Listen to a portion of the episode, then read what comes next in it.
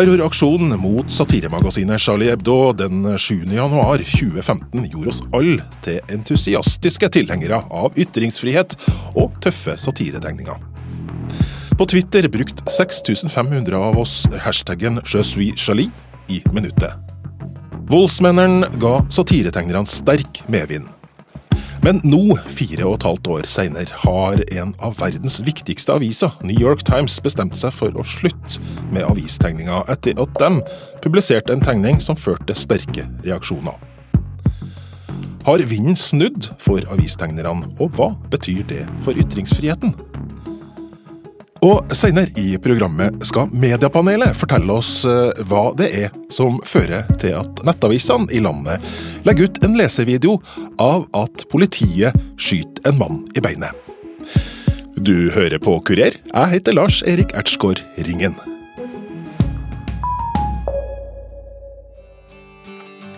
Come gather people wherever you roam.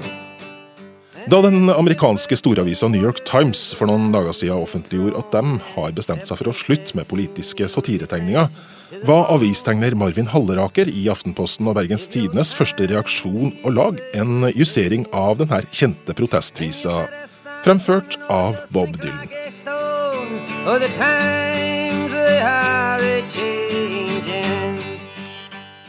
Uh, the New York Times, they are changing, skrev jeg. Altså, jeg gjorde sjøl en, en, en, tegning, en kommentar til dette nå i helgen. Og, og eh, Frode Bjerkestrand, eh, kulturredaktør i Bergens Tidende, han skrev en, en, tekst til dette etterpå, der han skrev om at dette var et knef, knefall for de krenkede. Um, jeg tror dette er helt feil måte å gå. Jeg tror at um, satiriske tegnere um, trengs nå, egentlig. Halleraker, som har jobba som avistegner i flere tiår, reagerte sterkt på nyheten om at New York Times har bestemt seg for å slutte med politiske tegninger. Nei, altså jeg ble jo uh, mer enn overrasket. Jeg ble vel kanskje sjokkert, egentlig. Og det har med Det har jo vært en del liggende ting som har skjedd, også i USA. Uh, de siste årene, der tegnere har blitt sparket. Men at det kommer fra New York Times, er veldig overraskende. Fordi uh, det er jo på en måte en avis som har blitt uh, representert på en måte ytringsfrihet. og I fjor det jo, var det jo en tegner fra Pittsburgh uh, Post Gazette som ble sparket pga. Trump-tegninger. og han han skrev en kronikk jeg ble, fikk sparken for å gjøre narr av Trump, og den ble altså publisert i The New York Times. Så det er jo litt ironisk. Grunnen til den dramatiske avgjørelsen i en av verdens mest kjente aviser var de sterke reaksjonene på en portugisisk satiretegning avisen valgte å publisere. De som reagerte, mente at tegninga var antisemittisk. Marvin Halleraker forsøker å beskrive bildet for deg. Det er altså da eh, Donald Trump med, som blind, eh, med solbriller, og han har altså en kipp kappa på hodet. Og eh, han holder da en eh, hund i bånd, som da er Netanyahu. Og den har da en, et halsbånd med en davidsstjerne på.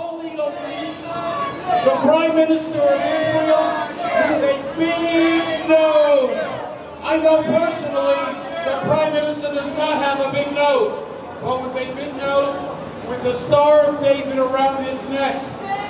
This is the worst kind of anti-Semitism imaginable.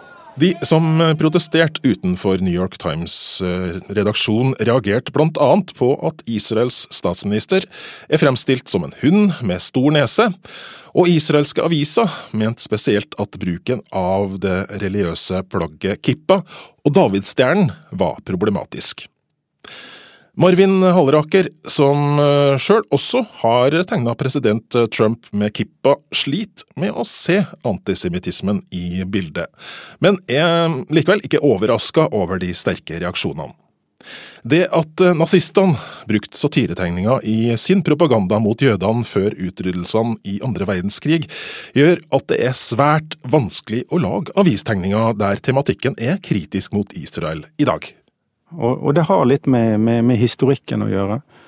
Samtidig er det jo et dilemma, tenker jeg, at um, hvis, hvis, det ender opp med at vi ikke kan tørre å kritisere Israels politikk. Altså det er jo et um, Israel er jo et, er jo et demokrati, sant. Um, det, det syns jeg er litt vanskelig. og men det er klart at, at man, man, tenker seg jo om to ganger. Du sier jo at jeg har tegnet Trump med kippa, men det kan jo være at neste gang at jeg tenker meg om. Og, og da vil jeg jo gjøre det i Jeg sier ikke at jeg gjør det, at jeg ikke kommer til å gjøre det igjen, men men det, på en måte, det vil, det vil, nok bli en sånn ting som du tar med deg ut ifra når, når, sånne ting skjer. da, på en måte. Uh, og det er jo fryktelig farlig ting, da. fordi da, da blir det selvsensur. Og, og, jeg tenker, det er, det er jo helt sikker på at uh, Netanyahu ønsker at vi ikke skal kritisere og ikke tegne. sant, så...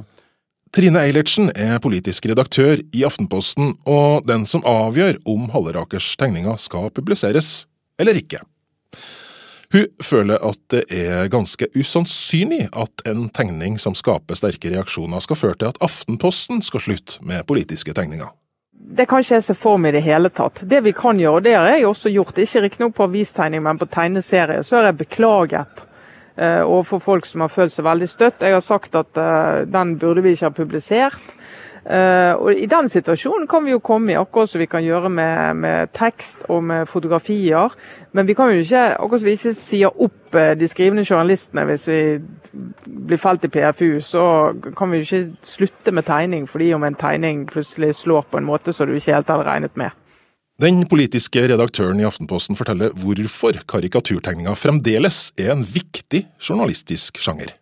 Eh, det er, Vi sier ofte at bildet det sier mer enn 1000 ord, men en avistegning sier ofte mer enn det også. Eh, du kan fortelle en hel historie med en tegning på en måte som veldig mange mennesker forstår.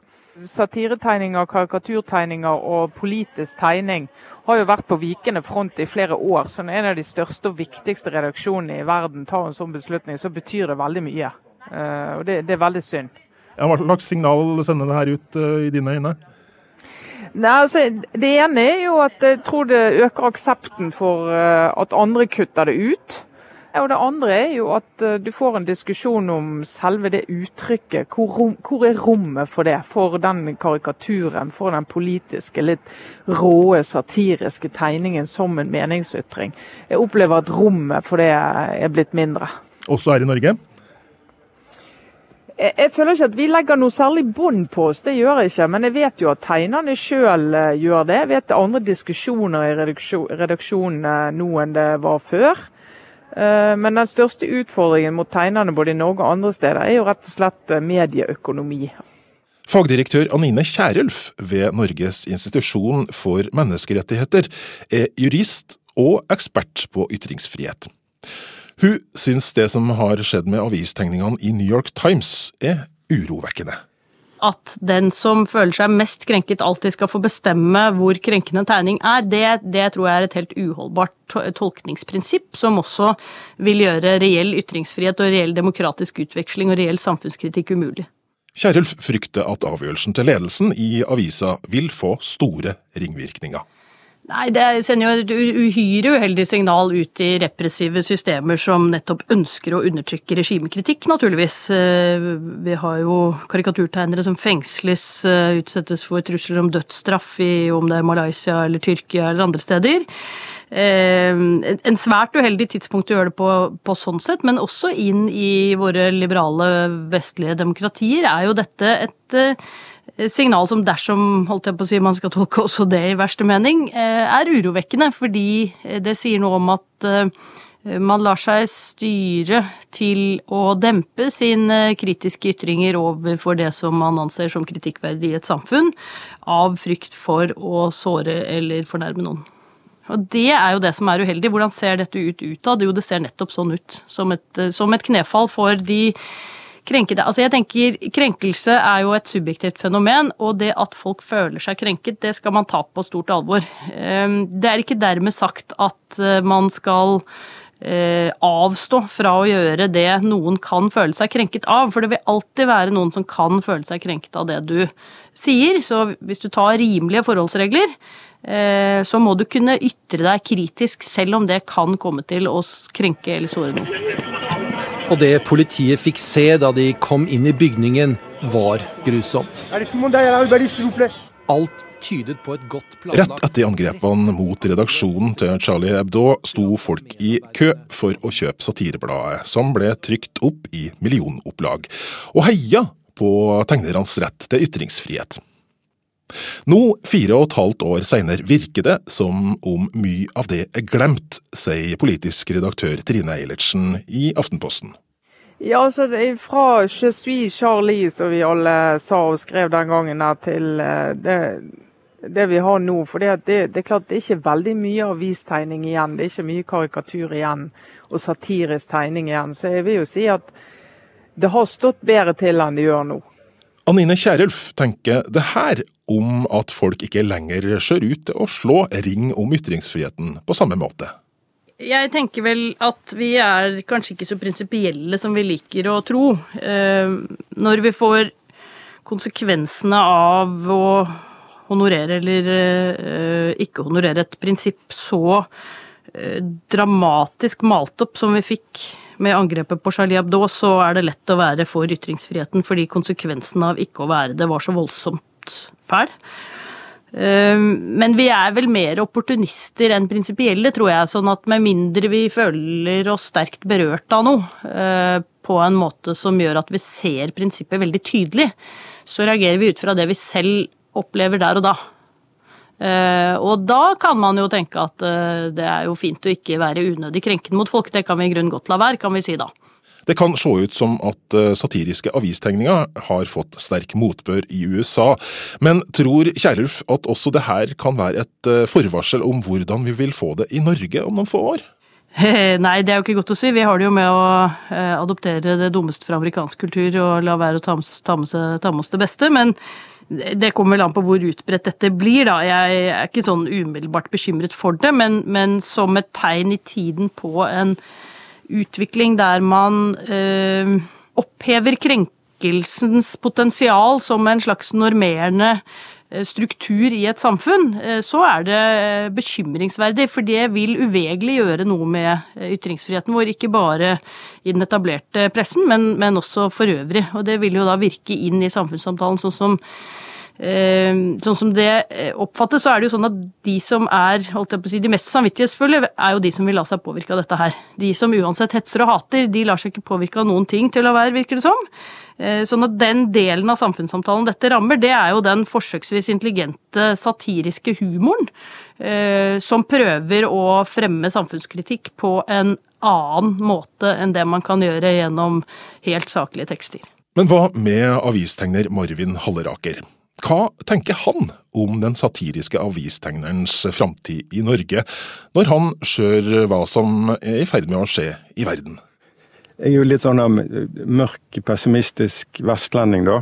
Um, så jeg, um, jeg, jeg, ser litt mørkere på det nå. Ja, jeg gjør det. Men det, det kommer jo ikke bare av denne saken fra The New York Times. Det har, det har vært en sånn tendens jeg har sett de siste årene. Har jo, det har jo vært flere tegnere rundt i, i, verden som har mistet jobben, uh, av litt samme årsaker som denne vi ser i The New York Times. Så, så ja, jeg, jeg, ser litt mørkt på det.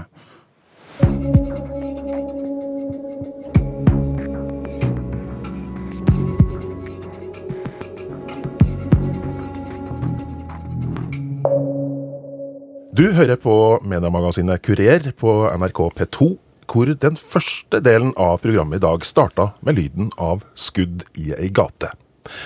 Og også del to starter dessverre på samme måte.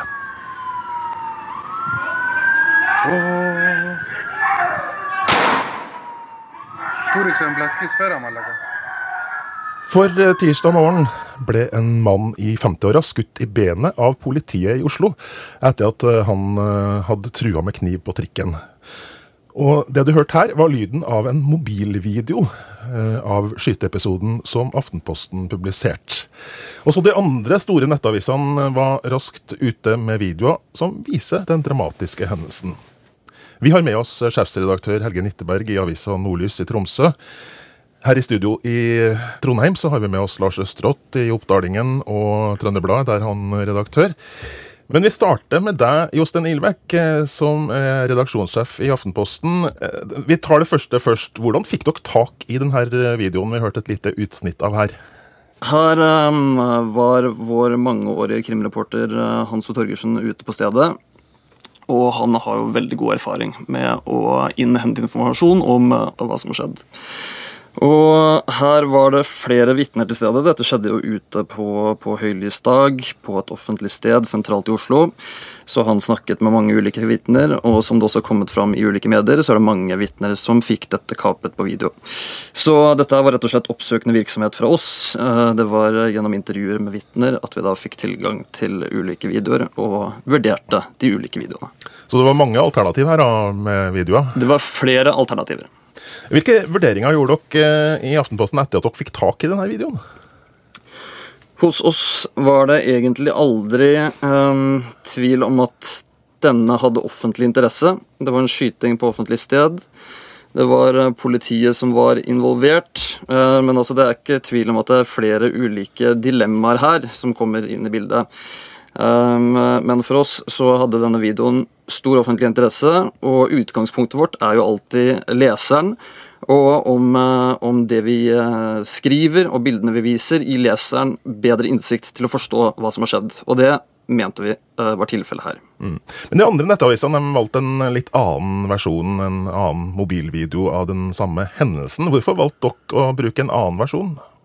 Uh, utgangspunktet for valget vårt var at denne videoen var tatt på en type avstand, i en type vinkel, som gjorde det mulig å bruke videoen i sin helhet.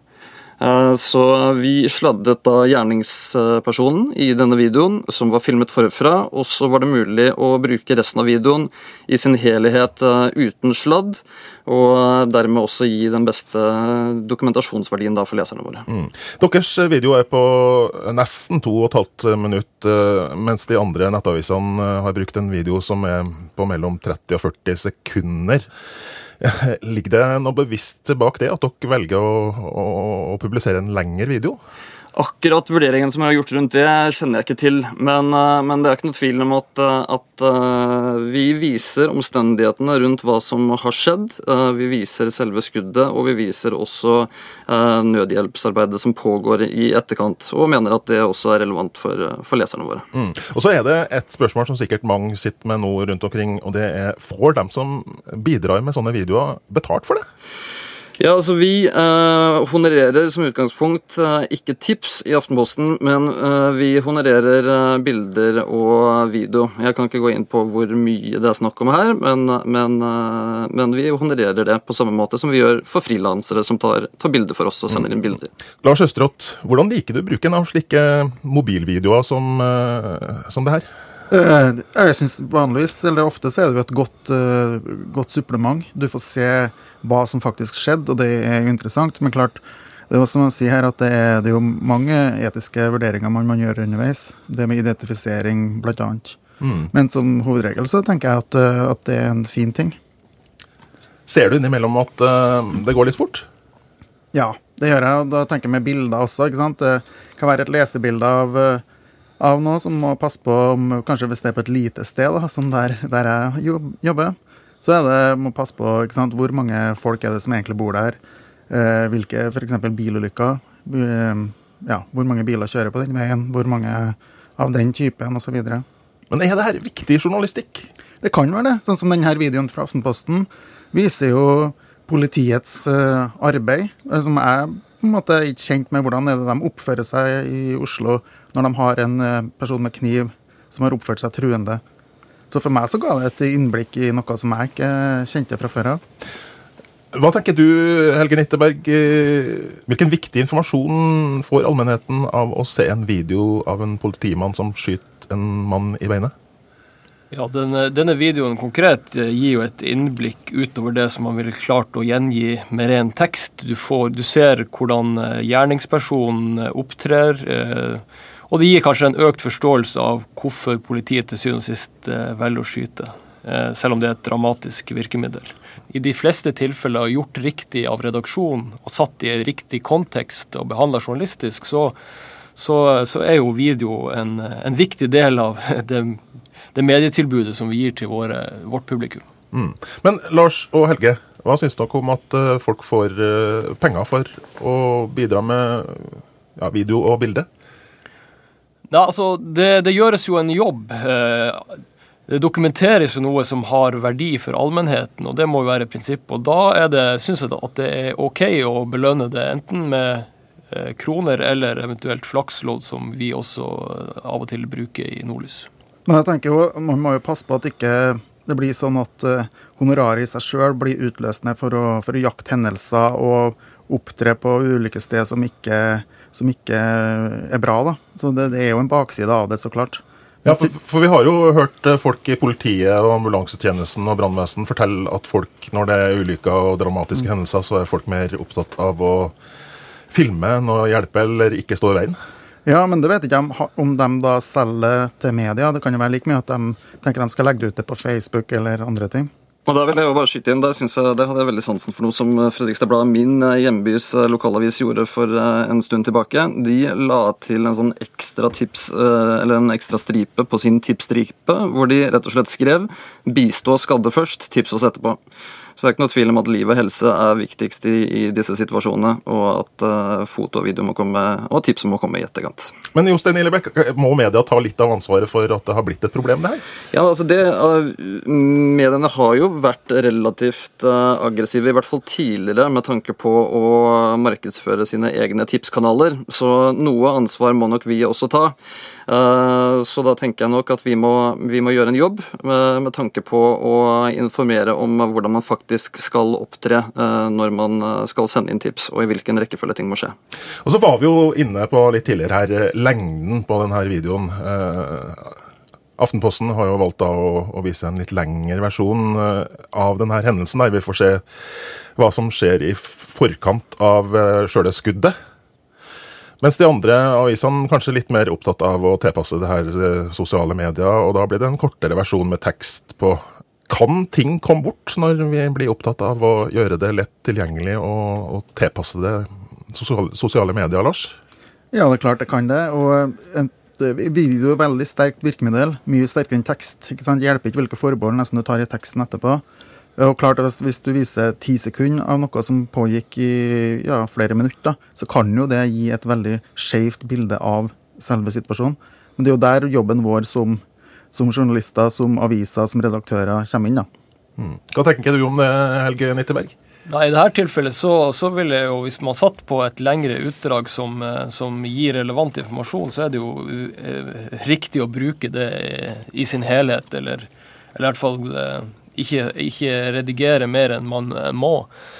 samtidig så er jo må man se det her, både tekst som forklarer sammenhengen her i sammenheng med, med videoen, og, og det opplever jeg at eh, Aftenposten har gjort i dette tilfellet på en uh, veldig god måte.